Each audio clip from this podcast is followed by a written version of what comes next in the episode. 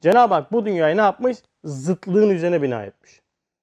Bu zıtlığı iyi analiz etmemiz lazım. Çünkü bu dünya içerisindeki bu zıtlık bizim için çok önemli mesajlar saklıyor içerisinde. Bak diyor ki Euzubillahimineşşeytanirracim. Bismillahirrahmanirrahim. Elhamdülillahi Rabbil alemin ve salatu ve selam ala Resulina Muhammedin ve ala alihi ve ashabihi ecmain. Ala Resulina Muhammedin salavat. Allahümme salli ala seyyidina Muhammedin ve ala ali seyyidina Muhammed.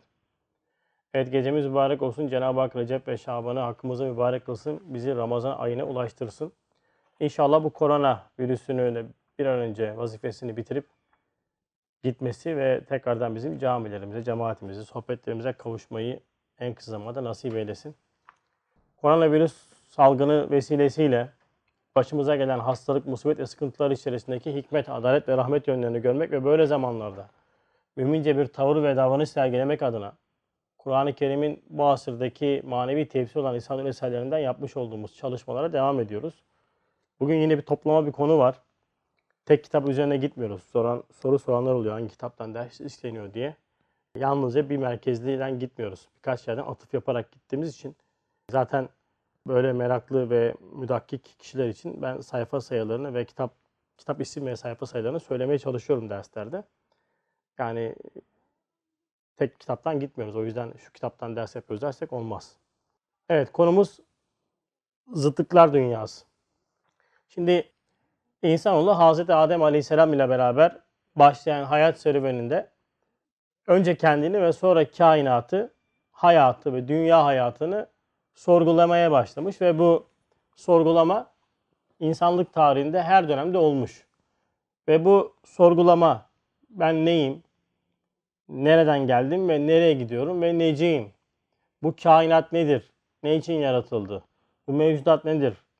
Neden yaratıldı? Neden durmuyorlar ve sürekli gidiyorlar ondan sonra tazelenip gidiyorlar diye bu sualler düşünen insanlar için hep kafasında bir soru işareti oluşturmuş ve insanlık tarihi bu suallere iki şekilde cevap aramış ve cevap bulmuş veyahut da cevaplamış. Birisi deha. Yani ne demek deha? Nevi beşerin vahiy semavi ile ve nurlanmamış aklını kullanıp vahiy semaviden uzak ve nurlanmamış aklını kullanıp bu akıl ile kendisi hakkında, dünya hayatı hakkında, mevzuat hakkında yapmış olduğu yorumların hepsi bu dehanın ürünü ve bu deha ile yani bencelerle diyelim en basit manada yorumlanan insan ve kainat ve neticelenen ve bu yorumlama veyahut da arayış, sorgulama içerisinde çıkan cevaplar insanları tatmin etmemiş. Yani insanlar bu noktadan aldığı cevaplara tatmin olmamışlar. Çünkü bu kainat ve bu insan yaratılırken bu akıl kullanılmadı. Dolayısıyla bu kainat ve insan yaratılırken kullanılmayan bu akılla sen vahiden yani tabiri caizse üst bir akıldan, ilmi muhitten bir ders almadan yapacağın her türlü yorum ve yorumlama kişiyi tatmin etmiyor. Çünkü neden? İşi içinden çıkamaz hale getirmişler meseleyi. Mesela insan için ne demişler? Düşünen bir hayvandır demişler. Üreyen bir hayvandır demişler. Hep insanı hayvaniyet merkezine indirmişler. Ve ne zaman ki diyor insan mahluk oldu, yani insan mahluk olarak kabul edildi, o zaman insanın değeri düştü. İnsan değersizleşti demiş felsefe. Yani dehayla yorum yapanlar. Diğer tarafta da Hz. Adem Aleyhisselam'la başlayan nübüvvet silsilesinin peygamberlerin vermiş olduğu dersle hüda ile hem insanı hem kainatı yorumlayan bu insanlar olmuş. Yani vahyin ışığında, vahyin terbiyesinde ve o zamanki peygamberin ve şu andaki nedir? Efendimiz Aleyhisselatü Vesselam. Ve Kur'an-ı Kerim ile bizim şu dönem insanın yapmış olduğu yorumlarla insanı, kainatı yorumlamışlar. Şimdi bu iki yorumda arasında ne fark var? Bir tanesi kendi aklına güvenerek değil, bu kainatı yapan zatın tabiri caizse ilmine göre, maksadına göre, hikmetine göre kainatı yorumlamış. Buna hüda denmiş. Diğeri bencelerle gördüğünü gördüğü gibi açıklayıp vahiyden uzak şekilde yorumlamış. Bu da deha olmuş. Şimdi Asar-ı Bediye'de Üstad şu manayı böyle ifade ediyor. Diyor ki o deha ile bu hüda Yani deha, insanın benceleri, hüda, vahye kulak veren, vahye göre açıklayan, vahye göre yorumlayan kişi. Menşeileri ayrıdır. Bunların ikisinin menşesi yani kökü ayrıdır. Nedir peki? Hüda semadan indi. Deha zeminden çıktı. Hüda semadan. Yani tabiri caizse hani semanın en basit manası gök ama esas olaraktan sema dediğimiz kainatı, hadiseleri, olayları esma ile açıklamaktır. Deha ise zeminden çıktı. Hüda kalpte işliyor. Dimağı da işletir. Yani ben kainatı, insanı yorumlarken eğer vahiy ile vahyin terbiyesinde yorumladığım zaman benim hem kalbim işliyor, maneviyat merkezi olan kalp işliyor. Bir de dima dediğimiz bizim bu akıl, 7 tane mertebesi var onun ondan sonra. Burası da çalışmaya başlıyor. Yani her iki taraf hem akıl hem kalp dengeli çalışmaya başlıyor. Fakat deha dimada işler. Deha ise yani vahiden ve sünnetten mahrum yorumların hepsi aklidir. Ama akılda işliyor. Fakat hadiseler, olayları yorumlarken birçok şeyi açıklayamıyor. Neden? Çünkü bu akıl kullanılmadı bu hadiseler yapılırken. Bu kainat yapılırken, bu insan yapılırken bu akıl kullanılmadı. Kullanılmadığı için deha ile yapılan yorumların hepsi kalbi karıştırır. Bu sefer işte vesveseler, şüpheler, vehimler girmeye başlıyor devreye. O yüzden ikinci sözde Üstad iki tane misal veriyor imanın neticesi olarak. İman seceri tuğba ağacını netice verir. Küfür cehennemi zakkumu netice verir. Şimdi tuğba ağacıyla zakkumu neden misal olarak veriyor? Mesela tuğba ağacının hususiyeti nedir? Cennette bir ağaç. Değil mi? Ne özelliği var? Kökü nerededir? Semadadır. Yani ağacı ters düşünün. Yani kök yukarıda, dallar aşağı doğru gidiyor. Tuğba ağacı. Cennetteki bir ağaç. Ne demek bu? Ben imanla yani hadiseleri, olayları kendimi yorumlarken semadan hani en basit manada gökten gelen o vahiy ile ki malum yani gökten gelen bir vahiy değil de hani öyle ifade ediliyor ya, o manada ifade ediliyor. Yoksa vahiy gökten gelmez. Ama sema dediğim ben esma ile hadiseleri açıkladığımda, yorumladığımda ben bu dünya hayatında imanın meyvelerini yemeye başlarım. Ama ne vakit ki ben hadiseleri, olayları kendimi bencelerle yorumlarsam zakkum yani zakkumun kökü nerededir? Yerdedir, arzdadır. Değil mi? Topraktadır. Zakkum ağacı topraktan beslenir. Yani ben Kur'an'ı, sünneti kenara atıp hadiseleri, olayları, başıma gelen işleri, kendimi, dünyayı bencelerle, felsefe nazarıyla değerlendirdiğimde yani arzlılara göre değerlendirdiğimde ben bu dünyada karşılaştığım hadiseler içerisinde cehennemi haleti yaşarım ve bu dünyada cehennemi yaşarım. Cehennemi halet diyor buna. Neden? Çünkü çözemezsin. Çünkü çözemezsin. Sebebi şu. Dünkü derste okumuştuk ya Mesnevi Nur'da geçen bir cümle. Şule'de geçiyor. 236 sayfa. Kainat hadiselerinden insanın heva ve hevesine muhalif olan kısım muvafık olan kısımdan daha çoktur. Şimdi sen hadiseleri, olayları, bugün korona, yarın başka bir şey, geçmişte Ebola, SARS, ondan sonra MERS, başına gelen ondan sonra başka sıkıntılar, evde yaşamış olduğun hadiseler, dışarıda yaşamış olduğun hadiselerin hepsini sen eğer dehanla, bencelerinle gördüğünü gördüğün gibi açıklamaya, yorumlamaya başladığında senin artık kalbin karışmaya başlar ve bu dünyada rahat edemezsin. Çünkü neden? Bu dünyada senin hoşuna gitmeyecek olan şeyler hoşuna gidecek olan şeylerden fazla. O zaman ne yapman lazım? Senin mutluluk formülünü bu dünyada yakalaman lazım. Mutluluk dediğimiz şey benim his ve hevesimle oluşturmuş olduğum hayal değildir. Bizim için mutluluk nedir? İstediğim her şeyin istediğim gibi olması. İstediğim her şeye ulaşmaktır. Bu mutluluk değildir. Eğer böyle bir mutlulukla kendimi programlarsam bu dünya hayatında hiçbir zaman mutlu olamayacağım. Çünkü cümlede ne dedi bak tekrar edelim. İnsanın hoşuna gitmeyen hadiseler hoşuna giden hadiselerden fazla. Eğer ben mutluluğu kendi hoşuma giden şeylerin üzerine bina ettiğimde ben o zaman mutlu olamayacağım.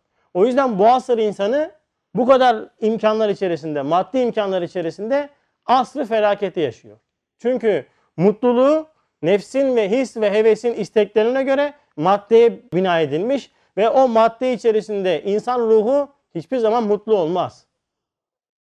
Ama asrı saadet. Ne demek asrı saadet? Efendimiz sallallahu aleyhi ve sellem'in bulunmuş olduğu asır ve o 300 yıllık asır asrı saadet olmuş. Fakat o asırın en önemli hususiyeti nedir? Maddi anlamda büyük sıkıntılı ve kıtlık bir asır için olması. Üç gün üst üste yemek pişmeyen bir evde huzur olur mu? Bak üç gün üst üste yemek pişmeyen bir evde huzur olur mu? Efendimiz Aleyhisselatü Vesselam evinde üç gün üst üste yemek pişmemiş. Hazreti Ayşe validemiz öyle buyuruyor. Bizim üç gün üst üste ocağımız yanmamıştır diyor yani. Şimdi bakıyorsun ashab-ı kiramın hayatına aynı minvalde hayatı yaşanıyor. Bakıyorsun ki asrı saadet olmuş. Yani biz ne yapıyoruz? O asrı neden asrı saadet olarak nitelendiriyoruz? Bir, Efendimiz sallallahu aleyhi ve varlığından dolayı. Bir de Efendimiz aleyhissalatü vesselamın getirmiş olduğu şuur, hakikat tam yaşanıyor. İnsanlar maddi alemde mutluluk aramıyorlar. Bizim aradığımız mutluluk madde ve nefsin istediklerinin olmasıyla olacak olan mutluluk ama esas mutluluk hadiseleri iman ve Kur'an nuruyla okuyup yorumlamaktan gelen mutluluktur. Eğer ben bunu başarabilirsem yani bu yorumlamalarımı deha ile yapmaktan kurtulup Kur'an ve sünnetle yapmaya başladığımda o zaman her hadise içerisinde beni sen söyle memnun edecek, benim nefsimi susturacak bir rahmet yönünü görmeye başlarım ki bütün derslerimizin silsile şeklinde ana konusu hep bu tema üzerineydi. Çünkü maalesef e, maddede huzur bulmak için uğraşıyoruz ve bulamayacağız. Kabe'deydik iki sene önce. Bakıyorsun Kabe hemen karşısında Zemzem Towers. Yani devasa bir bina. Değil mi? Son derece lüks bir bina. Bakıyorsun oranın insanı Kabe'ye geliyor. Kabe'nin etrafında dönüyor. Çok enteresan bir şey yani. Bakın maddi imkanlar insanın ruhunu hoşnut etmez. Eğer öyle olsaydı zemzem tavusu dolaşmaları lazımdı. Neden o insanlar gelip Kabe'yi dolaşıyor veyahut da işte gidiyor ta Umre'ye yapıyor ondan sonra sahaya giriyor işte Safa Merve'de dolaşmaya başlıyor vesaire. Neden? Çünkü farklı bir lezzet var. O lezzet maddi bir lezzet değil işte. O yüzden madde ile insanı tatmin edemezsiniz. Doyuramazsınız. Madde merkezli yaşayan bir insan bu dünyada hiçbir zaman tatmin olamaz. O yüzden Cenab-ı Hak bu dünyayı ne yapmış? Zıtlığın üzerine bina etmiş. Bu zıtlığı iyi analiz etmemiz lazım. Çünkü bu dünya içerisindeki bu zıtlık bizim için çok önemli mesajlar saklıyor içerisinde. Bak diyor ki 29. sözden okuyacağım 531. Şu kainata dikkat edilirse görünüyor ki şu kainata dikkat edilirse yani dikkatli bakarsak görünür ki içinde iki unsur var ki her tarafta uzanmış kök salmış. Kainat içerisinde iki unsur var her yere uzanmış kök salmış. Nedir onlar? Hayır, şer. Güzel, çirkin. Nef, zarar. Yani fayda ve zarar. Kemal, yani mükemmellik. Diğer taraftan noksan. Ziya, zulmet. Hidayet, dalalet. Nur, nar. iman, küfür. Taat, isyan. Haf, muhabbet. Bakın bunlar hepsi zıtlık. Gibi asarlarıyla, meyveleriyle şu kainatta ezdat birbiriyle çarpışıyor. Yani şu dünya zıtlık üzerine bina edilmiş. Bir tarafta hayırlar var, diğer tarafta şerler var. Bir tarafta zahiri güzellikler var, diğer tarafta zahiri çirkinlikler var. Bir tarafta ziya var, yani aydınlık var. Diğer tarafta zulmet var. Bir tarafta itaat edenler var. Bir tarafta isyan edenler var. Bir tarafta kemal var. Bir tarafta noksanlıklar var zahiri. Bir tarafta hidayet var. Diğer tarafta dalalet var değil mi? İman var, küfür var. Haf var, korku var. Bir tarafta, bir tarafta muhabbet var. Şimdi bu kadar zıtlık neden bina edilmiş? Neden iç içe girmiş? Bu zıtlıkların hikmeti ne? Bunu çözmem lazım. Çünkü bu zıtlıkları bu dünyada çözemezsem ne olacak? O zaman benim hoşuma gitmeyen hadiseler çok fazla olacağı için bu dünyada çünkü neden? İnsanın his, nefis ve heves, heva ve hevesine uyacak olan veyahut da onu tatmin edecek olan hadiseler neden? Azdır. Ama diğer hadiseler çok. Yani zahiri şer, zahiri çirkinlikler. Bu sefer bu dünyada psikolojin bozulmaya başlayacak. Bu dünyada psikolojin bozulmaya başlayacak ve o manaları anlayamadığım için cehennemi haleti bu dünyada yaşayacağım ki işte temel problemimiz de budur. Cehennemin en büyük numunesi kişinin aklında, ruhunda, kalbinde yaşamış olduğu cehennemi halettir. Sıkıntılardır. Psikolojik bozulmalardır. Ondan sonra içmiş olduğu depresyon ilaçları vesaire bunların hepsi o haleti bastırmak, o haletten insanı uyutmak için kullanılan şırıngalardır. Eğer bunları kullanıyorsak bir yerde bir problem var. Demek ki çözemediğimiz hadiseler var. Çözemediğimiz, anlamlandıramadığımız hadiseler var. O yüzden ne yapmamız lazım? Bu zıtlıkları iyi analiz etmek lazım. Peki bunları yapmazsam ne olur? Bir, muhali talep ederim. Ne demek? Münazaratta diyor ki üstad, muhali talep etmek kendine fenalık etmektir. Herkes bu dünyada mutlak mutlu bir hayat istiyor. Doğru mu? İmkan var mı? Yok. Bakın Efendimiz sallallahu aleyhi hadis-i şeriften buyurmuş. Ne diyor? La rahat fit dünya. Bu dünyada rahat yok. Bu dünyada rahat arama. Bu dünya içerisinde bizim vazifemiz neydi? Bu meydanı imtihan. Burası neydi? Bir meydan imtihandı. Ve darul hizmetti. Lezzet ve mükafat yeri değildi. Bu zıtlıkların hepsi bana bunu ders veriyor. Eğer bu zıtlıklar içerisindeki manayı anlayamazsam ve burada mutlak huzur ve mutluluk ararsam ben muhali talep etmiş olurum. Muhali talep eden kişi en çok kendine fenalık yapar. Bakın bu aile hayatında da aynıdır. Yani gerek ikili ilişkilerde de aynı şekildedir. Kişilerden muhali talep etmekten vazgeçmemiz lazım. Ne yapmamız lazım? Kişileri olduğu gibi kabullenmeyi öğrenmemiz lazım. Beceremiyorum, beceremediğimiz bir şeydir. Ama bunu becerebilsek o zaman ortada huzursuzlukların çoğu kalkacak. Fakat biz genelde insanları değiştirmek için uğraşırız. Ve mesela hiç yapılmayacak şeyleri insanlardan bekleriz. Mesela benim gibi bir adamdan çok ciddi bir nezaket ve incelik beklemek muhali talep etmektir. Benim buna ne yapım müsaittir ne ondan sonra yani fıtratım müsaittir. Veyahut da ne bileyim gururum izin vermez vermez de vermez. Benden muhali talep etmektir. Olmaz yani. Neden? Şimdi sen benden bu kadar çok ciddi bir incelik, bir hassasiyet, bir nezaket beklersen muhali talep edersen en çok kim zarar görür? Sen zarar görürsün. O yüzden bu noktada yani ikili mübaşiretlerde de mutlak ve mutlak olaraktan bu zıtlık manasının farkına varıp karşı tarafın eksikliğini kendimizdeki bir terakki vesile kılmamız lazım. Ben zaman zaman Cenab-ı Hak başardığı zamanlar olmuştur. Çok istifade ettiğim zamanlar olmuştur. Her zaman yapamıyorum ama mesela misal veriyorum şimdi. Umut yavaş bir adam olduğunu farz et tamam mı? Umut'un yavaşlığı normalde ben de aşırı derecede hızlı ve seri bir fıtratım olduğundan dolayı Umut'un yavaşlığı beni patlatır. Ama ve Umut'un yavaşlığı bana sabrı ders veren bir hakikat olursa evet Cenab-ı Hak umut vasıtasıyla bana teenni ile hareket etmeyi öğretiyor. Dediğimde umutu değiştirmek için uğraşmaz. Umutun üzerinden manayı anlamış olurum. Umut da ya ben çok yavaşım, hızlanmam lazım. Hasan abi yavaşlatacağına ben de biraz daha pratik olabilirim aslında, yapabilirim bunu dese Umut da benden ne olur? Hız dersini almaya başlar ve bu sefer karşılıklı olarak birbirimizdeki eksikleri tamamlamış oluruz. Fakat biz ne yapıyoruz? Ben Umut'u hızlandırmak için uğraşıyorum. Umut'u hızlandırmak muhali talep etmektir. Beni de yavaşlatmak muhali talep etmektir. Fıtratın üzerinden oynama yapmaya çalışıyoruz yani. O yüzden de en büyük şeyi ne yapıyoruz? Kendimize yapıyoruz. İkili mübaşiretlere problem yaşamaya başlıyor. Bak zıtlık manasını anlayamadık.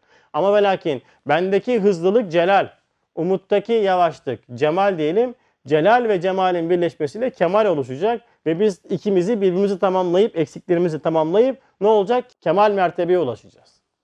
Çok önemli bir formül bu aslında ama tabi uygulaması birazcık zor. Çünkü neden? Biz diyoruz ki bana göre olsun. Şimdi herkes bana göre ve benceye göre olsun diye yaşayınca zaten problem oradan başlıyor. O yüzden birinci zarar ne olurmuş? Bir muhalif talep edelim. Peki ikinci zarar. Yani bu zıtlıkları çözemezsem, zıtlık dünyasının manasını anlayamazsam neyi kaçırmış olurum? Bu dünyada terakki durur, istidatlar dumura uğrar. Ne demek bu? Biz cennetten ihraç edildik değil mi?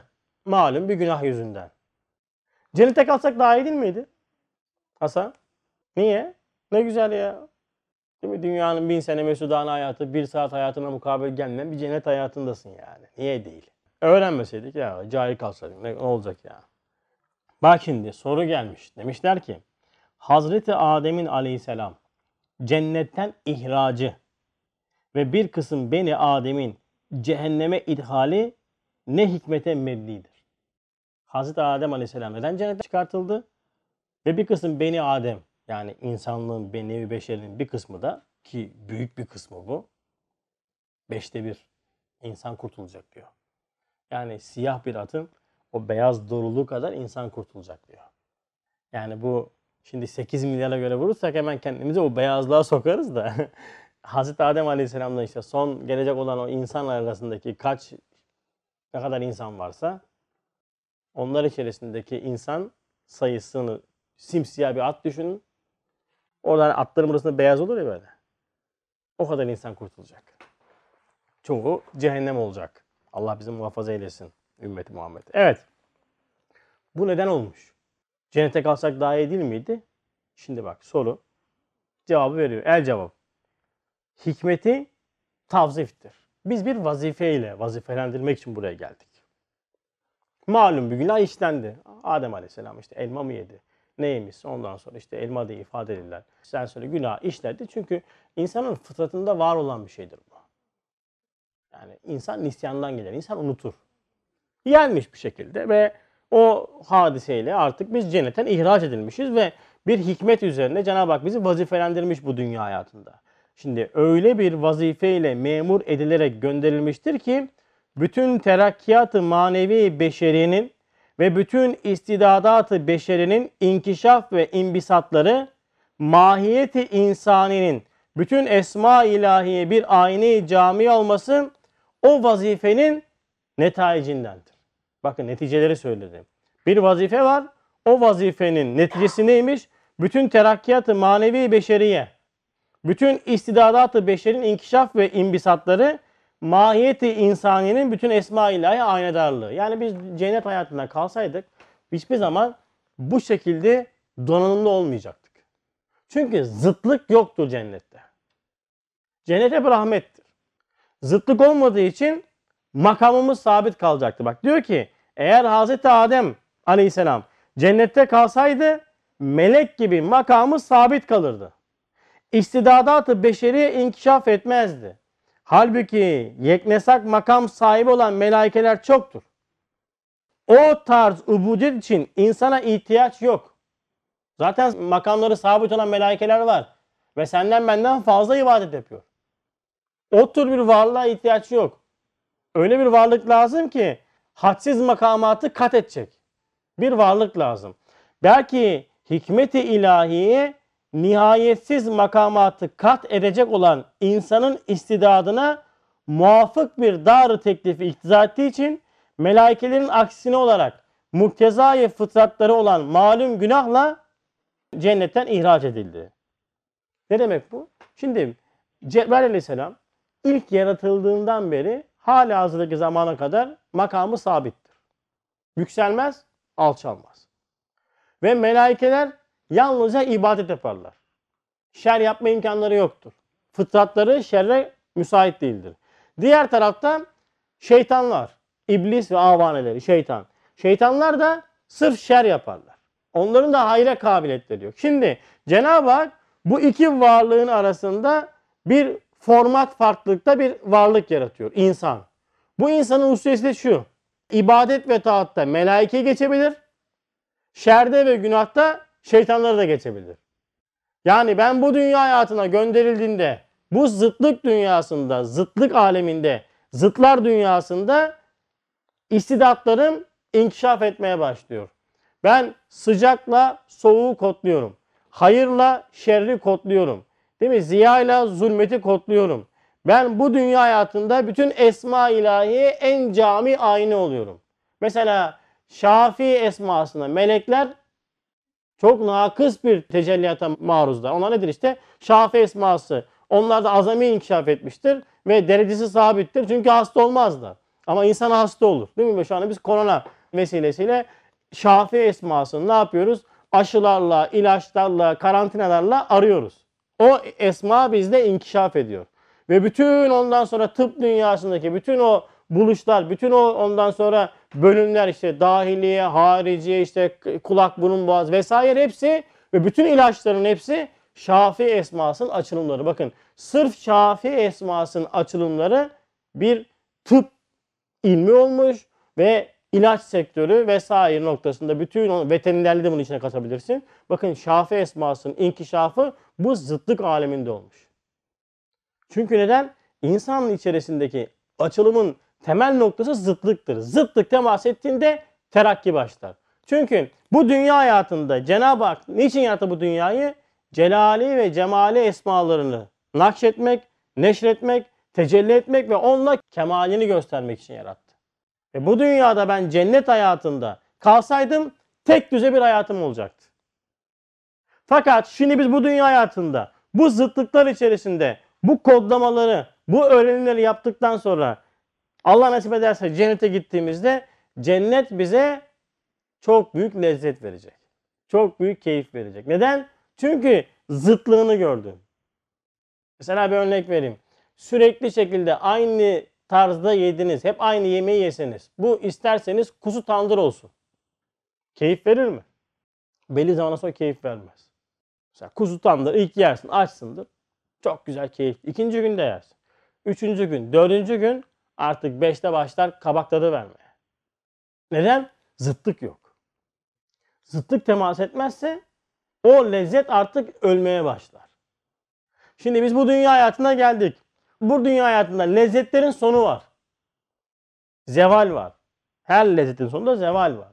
Ve o zeval ile birlikte bütün lezzetler acılaşmaya başlıyor. Cennete gittiğimizde zeval olmayacak.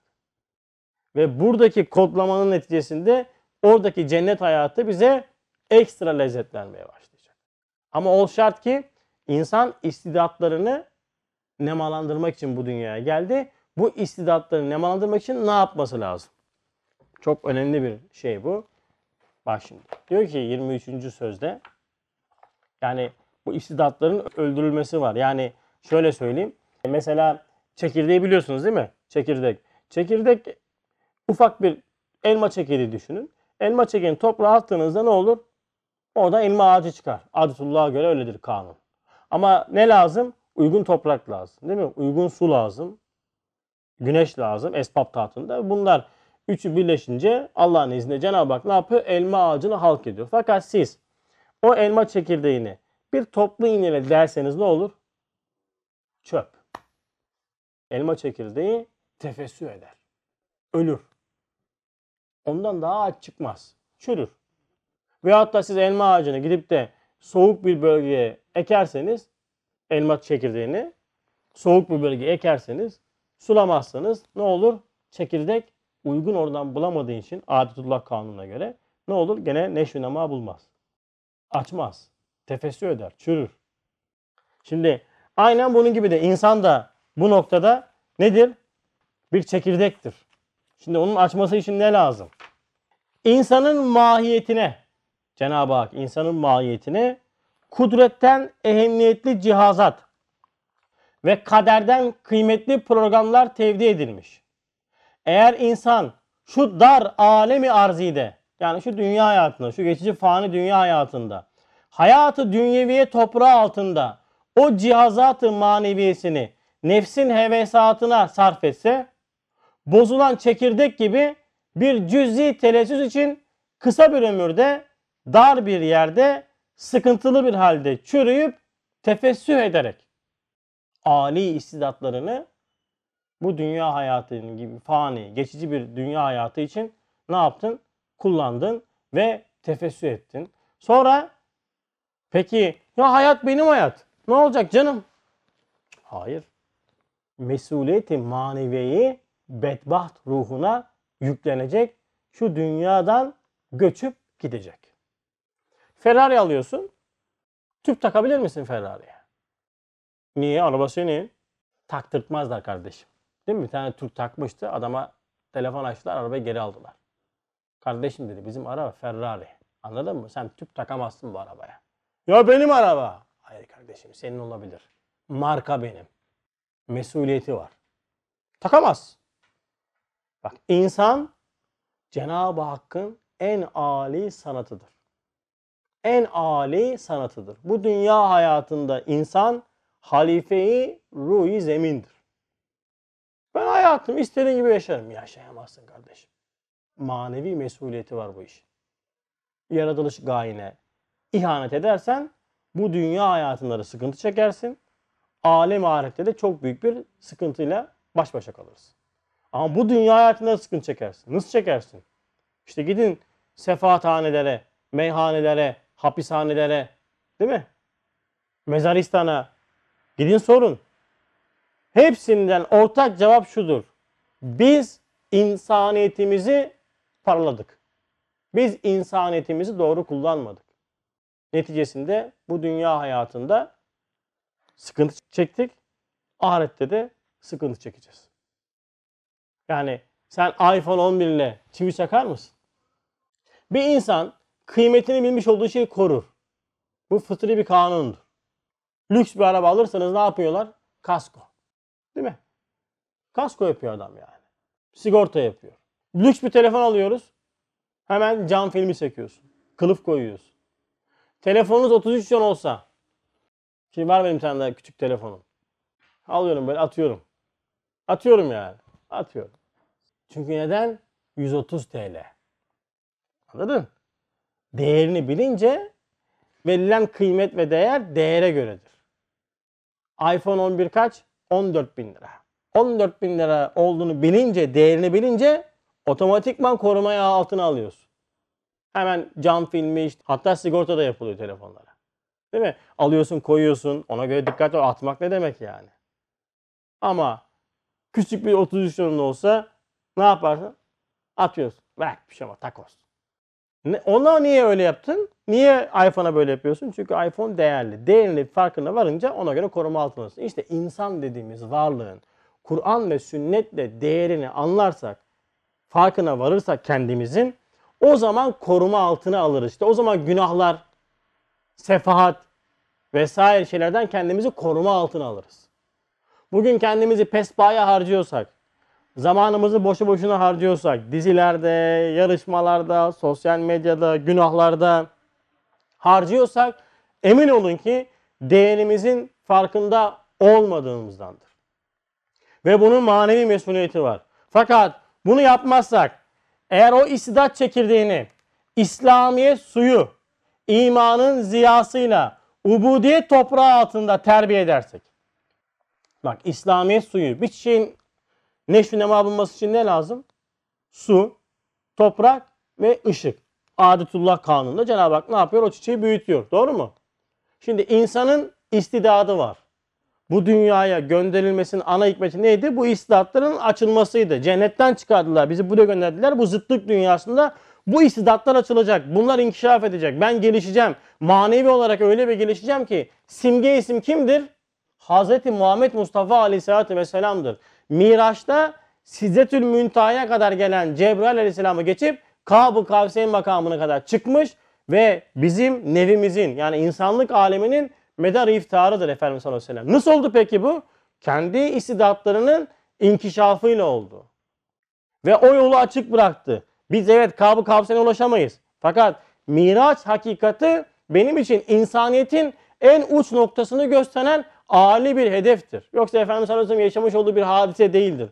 O hadiseyle bana der ki sen eğer insaniyetini İslamiyet suyu, iman ziyası ve ubudiyet toprağı altında terbiye edersen, evamiri Kur'an'ı imtisal edersen ve cihazat-ı maneviyesinin hakiki gayelerine tevcih edersen, merakını Twitter'a, ondan sonra haberlere, futbola, dizilere değil de merak etmen gereken şeylere yönlendirirsen, Değil mi? İradeni ibadetullah ile, zihnini marifetullah ile, kalbini muhabbetullah ile e, yoğurursan, bunlarla hemal edersen o zaman sen insaniyetini doğru kullanmış olursun ve bununla beraber alemi misal ve berzahta dal ve budak verecek alemi ahiret ve cennette hassiz kemalat ve nimetlere medar olacak bir seceri bakiyenin ve bir hakikati daimenin cihazatına cami, kıymettar bir çekirdek, revnektar bir makine ve bu seceri kainatın mübarek ve münevver bir meyvesi olacaktır. İşte bunun adı da Hazreti İnsan'dır. İn- Hazreti İnsan'dır. Melaikenin secde olduğu insanın kamil manası budur. Ve bu zıtlıklar dünyasında Cenab-ı Hak bana bu imkanı veriyor. Yani bana bu çok boyutlu. Yani güzelliğin her mertebelerinin, zahiri çirkinliğin, güzelliğin mertebelerini arttıran bütün ondan sonra mertebelerinin, hastalıkların, ondan sonra karanlığın, aydınlığın iç içe olmuş olduğu bu zıtlık dünyasında ben terakki ediyorum. Celal ve cemal manasıyla kemale ulaşıyorum ve eğer kendi cihazatımı, istidatlarımı da Kur'an'ın ve sünnetin bana ders vermiş olduğu şekilde kullandığım anda öyle bir insan oluyorum ki bunun adı da insan, Hazreti insan olmuş oluyor. Ama biz genelde ne yapıyoruz? O tohumu delip delip duruyoruz. Sürekli mane yani. Sürekli günah, gü- sürekli sefaatle o tohumları delip delip delip delip oluyoruz. Ondan sonra o tohum neşvi nema bulmuyor. O yüzden bu zıtlık dünyası bizim için çok önemlidir. Benim istidatlarım ancak bu dünyada inkişaf eder. O yüzden ben bu dünyada kesret dairesine gönderildim. Kesret dairesinde bütün istidatlarım inkişaf ediyor ve ben cennete gittiğimde cennet benim için nasıl bir lezzet verecek? İşaret-ül İcazı öyle söylüyor. Direkt cennette olsaydın kazanılmışlık yoktu. Ama cennete gidersek eğer Rabbim nasip ederse buradaki kesbi olarak işlediğimiz Cenab-ı Hakk'ın ihsan etmiş olduğu ameller, ibadetler, tefekkürler neticesinde nail olmuştu, olmuş olduğu nimetler olduğu için ayrı bir lezzet verecek sana. Bakın cennet Cenab-ı Hakk'ın fazlındandır. Ama ve lakin burada kesbi olarak senin gayretin neticesinde Cenab-ı Hak ne yapıyor? Bir dil on veriyor. İnsan kendi kazanmış olduğu şeye daha çok değer verir. Bugün İslamiyet noktasında gerek ülkemiz adına özellikle genç tayfanın bizlerin de ben kendimi de bunun içine katılıyorum. Bir şey yapmamadığımız, bu kadar boş bir hayat yaşamamızın sebebi nedir biliyor musunuz? Ne İslamiyet'i ne ülkeyi bu hale biz getirmedik. Bir gayretimiz yok. Şöyle bir söz vardır. Eğer suyun hepsini sen taşımaya başladığında her bir damlasının kıymetini anlarsın. Biz hazır bulduk, hazıra konduk. O yüzden Üstad öyle diyor.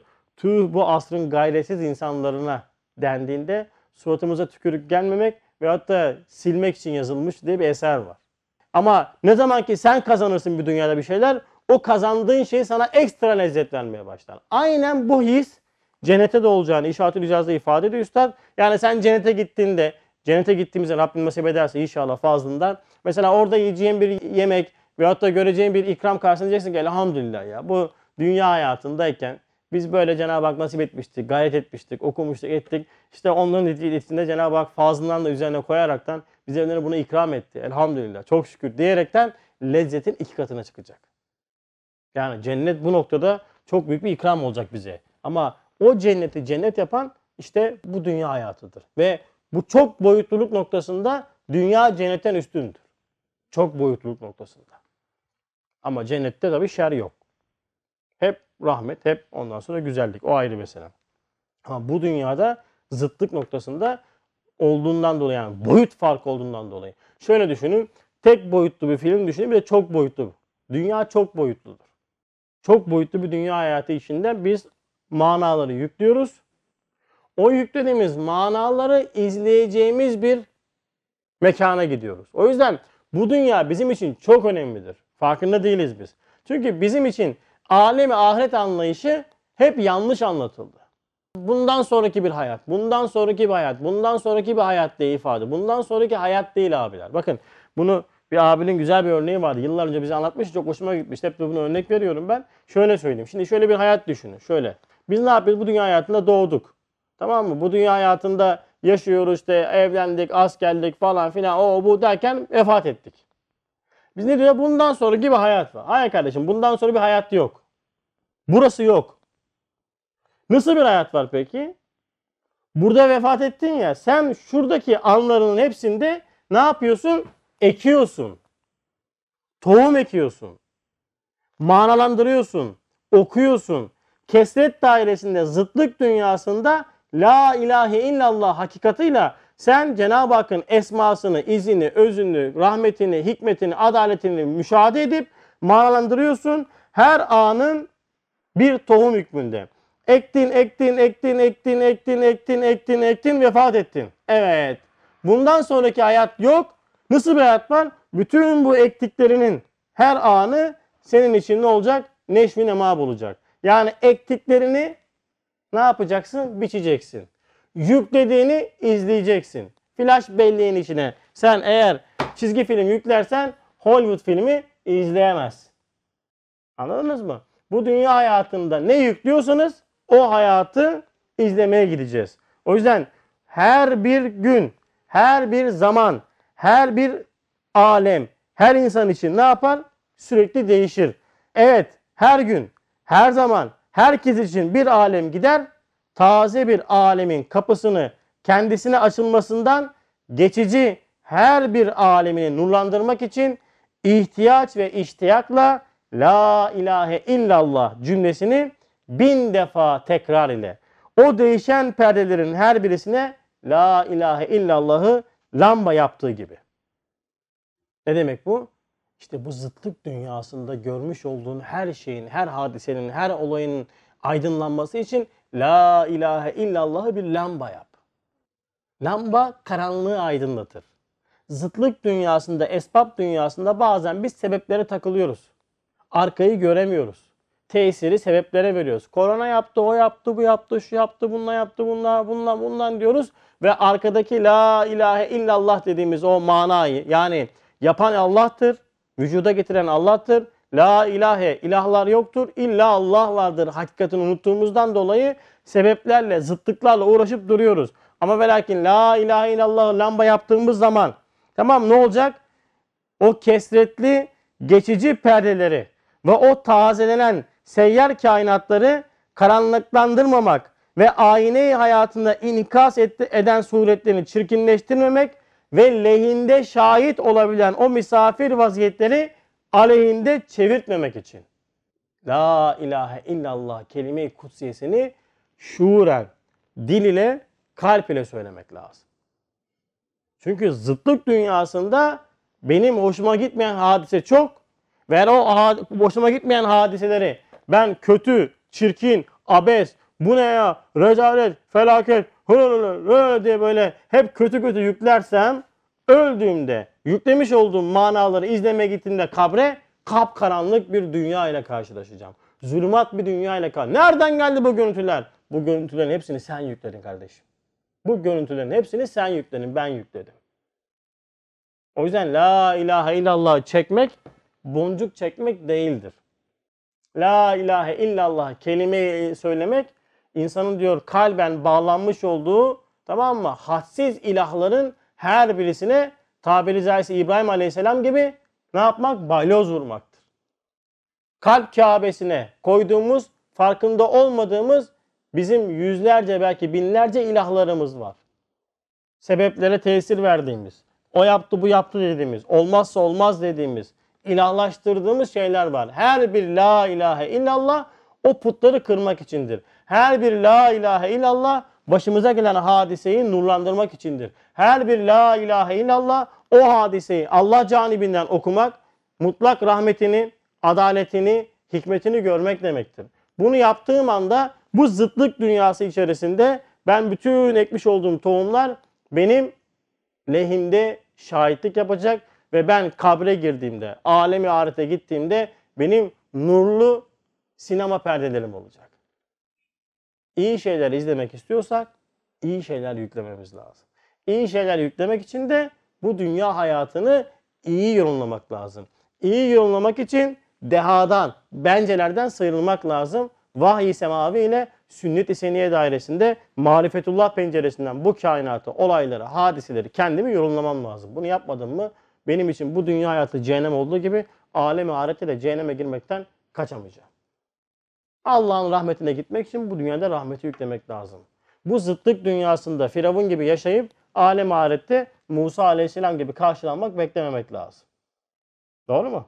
Salatalıktan vişne suyu çıkıyor mu? Çıkmaz. Salatalık gibi bir hayat yaşayıp da vişne suyu gibi bir ondan sonra meyve suyu çıkartmayı beklememek lazım. Bu dünya hayatında nasıl yaşıyorsak neticede öyle bir başlangıç alem ahiret için devam bizi bekliyor. O yüzden zıtlık dünyasını iyi analiz etmemiz lazım. Evet. Son olarak da bu zıtlık dünyasını, zıtlıkların manasını çözemezsem üçüncü olarak bana vereceği zarar nedir? Nimetlerin derecelerini anlamış olmayacağım. Hani devalarda okumuştuk ya innema eşya tuğrafı bezdadiya. Yani eşyanın hakikati zıttıyla bilinir. Karanlık olmazsa aydınlık lezzet vermez değil mi? Hararet olmazsa su içmek lezzet vermez.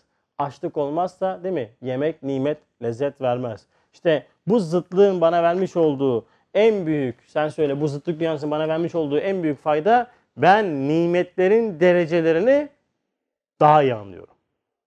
Tek düze bir dereceden çeşitli derecelerin inkişafı bu zıtlık dünyasıyla ortaya çıkıyor. Değil mi? Çünkü insan hassas bir yapıya sahip. Mesela tuzlu yemek yiyorsun. Tuz çok tuzlu, çok tuzlu. Yo bu ne ya? Zehir gibi diyorsun değil mi? Ondan sonra tatlı. Ya çok tatlı. O bal gibi olmuş bu ya diyorsun. Bak bütün mertebelerin hepsini hissetme hususiyeti vermiş Cenab-ı Hak Ufacık bir dil içerisinde milyarlarca belki de lezzet alma, o lezzetlerin derecelerini anlama kabiliyeti vermiş. İşte bu istidat dediğimiz noktanın inkişafı yani istidat tohum olarak düşünün kabiliyet haline gelmesi bu dünyadaki zıtlık da olur. Yani sen belki bir lezzeti lezzetsiz bir şey vasıtasıyla alıyorsun. Tuzlu vasıtasıyla tatlının kıymetini anlıyorsun değil mi? Tatlı vesilesiyle ekşinin kıymetini anlıyorsun. Derecelerini anlıyorsun. Bak bu zıtlık temas edince ondan sonra insan bütün o nimetlerin derecelerini anlamış oluyor. Peki bu dünya hayatındaki bu kadar zıtlığın neticesi ne olacak? Yani bakıyorsun hayırlar, güzellikler var. Diğer tarafta şerler var, kötülükler var vesaireler. Bu kadar neden iç içe girmiş? Bunun neden ayrılacak? Veyahut da bu kadar zıtlığın iç içe girmesinin sebebi ne? Bak şimdi. Arkadaş, cennet ve cehennem şecere-i hilkatten ebede doğru uzanıp giden iki daldan tezahür eden iki semeredir. Cennet ve cehennem yaratılış ağacı olarak düşünün. Yaratılış ağacı ilk yaratılış başladığı andan itibaren ta ki ebede kadar giden iki dal gibi düşünün. Böyle devam ediyor. Ve kainatın teselsülen gelmekte olan silsilelerinin iki neticesidir. Ve ebede doğru akıp giden kainat seylinin iki mahzeni ve iki havzıdır. Evet, Cenab-ı Hak gayri mütenayi hikmetler için bu alemi imtihana sahne yaptı. Sahne yaptı. Herkes sahnesini oynuyor. Herkes kendi sahnesinde rolünü oynuyor. Yine sonsuz hikmetler için bu alemi imtihana sahne yaptı. Yine sonsuz hikmetler için tagayyürata, tahavvülata mahal olmasını irade etti. Sürekli değişiyor. Ben değişiyorum, alem değişiyor, alemler değişiyor. Sürekli değişim var. Sürekli yenilenme var. Cenab-ı Hak her an tecelliatla ne yapıyor? Kainatı, beni, bütün sistemi sürekli halk ediyor, yaratıyor. Ve yine sonsuz gayeler için hayır ile şerri, nef ile zararı, hüsün ile kubu, güzellik ve çirkinliği, hülasa iyilikle kötülüğü karışık bir şekilde cennet ve cehenneme tohum olmak üzere kainatın şu mezrasına serpti. Cennet ve cehennem şu anda var mı? Var. Ehl-i ve cemaat itikadına göre cennet ve cehennem şu anda var. Ve şu anda hepimiz cennet ve cehenneme malzeme taşıyoruz. Şu anda mesela biz şu sohbetle işte sohbeti dinleyen abiler, ablaların hepsi de değil mi? Alemi ahirette cennetlerine görüntü atıyorlar. Manalar cennete mana taşıyor.